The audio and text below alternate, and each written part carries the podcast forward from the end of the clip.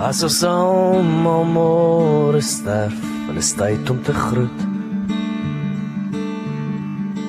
Ek weet ons oomblik is nie lank nie, maar hopelik goed.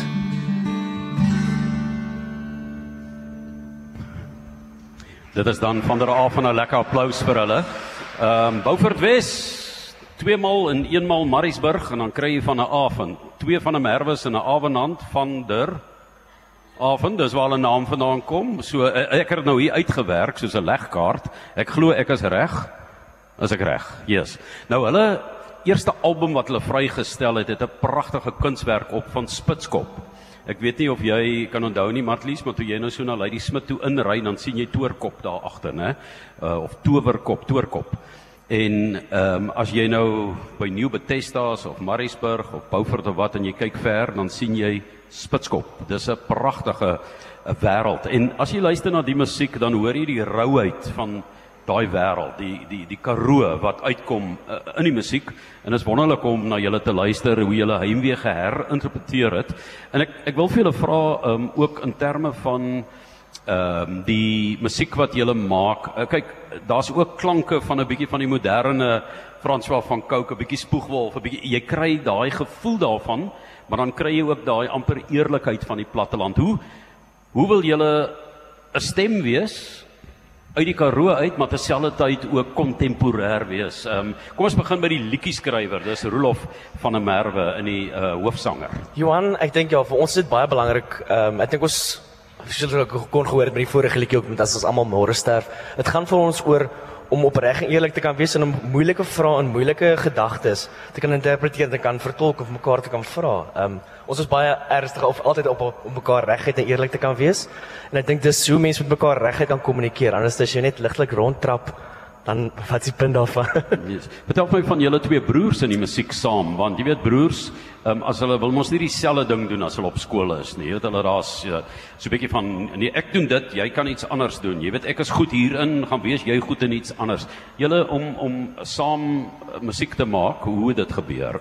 Wie is die oudste? Wie is die oudste? Wel, ek is die meer ervare hè. Ehm um, ja, so ek is ek is uh, so 3 jaar ouer as Rolof. Ehm um, en ons maak maar nog van kleintyd af saam musiek.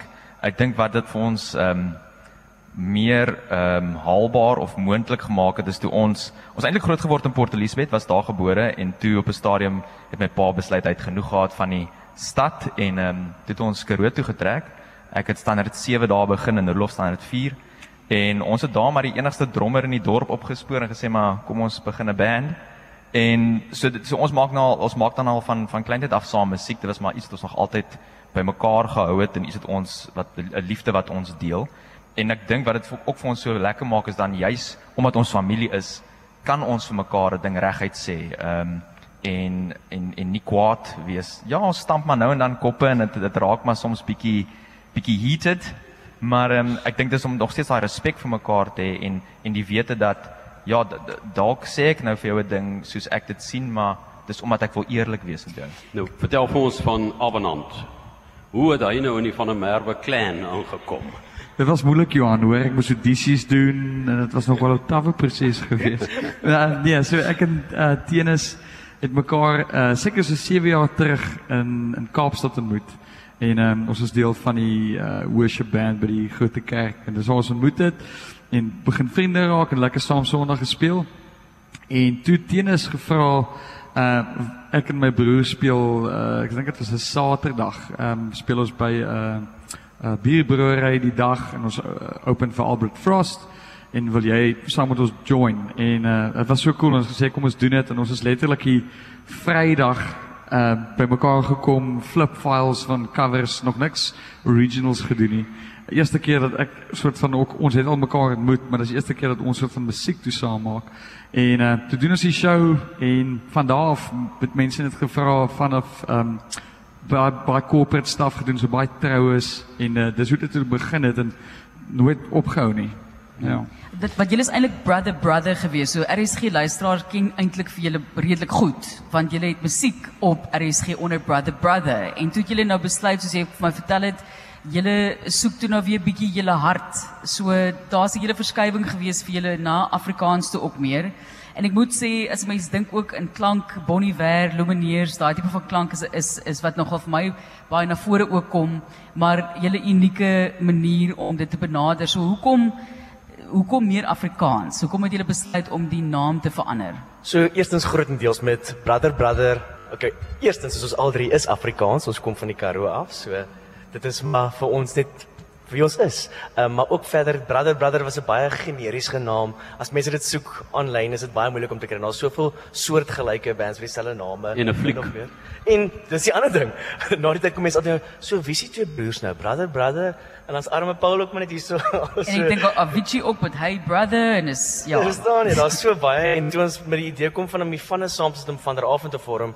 So as jy gaan Google is daar dadelik of as niks wat oppop nie. So dis is dadelik hoekom maar nou nie? Maar die interessante ding van julle is ek sê toe na vir julle en dis eintlik 'n verskillike vraag om vir 'n vir 'n groep te vra, maar ons weet in Suid-Afrika enige plek in die wêreld is dit moeilik, maar vir 'n Suid-Afrikaanse groep om weer nie te begin om van voor af naam te maak is nie maklik nie.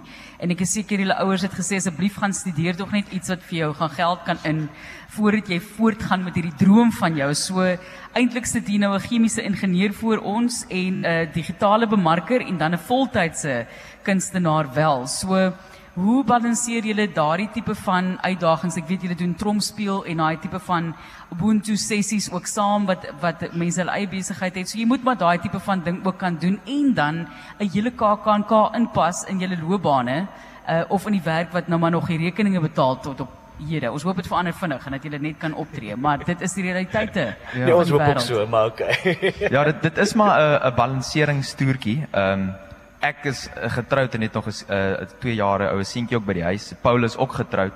So tussendeur die die die die musiek maak en en jou ek amper sê jou jou daaglikse werk werk en ehm um, en familie en vriende en so inpas dit dit daar is maar gereeld opofferings wat ons moet maak troues en verjaarsdae en goed wat ons nie kan bywoon nie maar hierdie wat ons doen dit voel nie soos werk nie ons ons is elke keer opnuut opgewonde om op enige verhoog ongeag hoeveel mense daar is dit dit is ons passie dis wat ons as ons kan dink ek is ons almal môre voltyds in die ding en ons maak net musiek Jesus. K- Kom ons gaan terug na die eerste liedjie Heimwee wat jy getoon het het die uh, Jochen van Bruggen gedig. Ehm um, ons het ampie wel 'n luisteraars het gereageer. Iemand het gesê dis oudtyds. Toe sê ek nee, klassiek. Daar's 'n verskil tussen oudtyds en klassiek en dis soos 'n golden oldie. Dis nie oudtyds om 'n golden oldie treffer na te luister nie. Ehm um, en julle besluit op Heimwee. Heimwee is een van die bekendste gedigte in Afrikaans is amper soos Boerneef se die berggaans het 'n veer laat val, né? En julle as jong mense het dit iewers raak gelees, het dit aan julle harte geraak en julle het dit getoon set in 'n ander styl.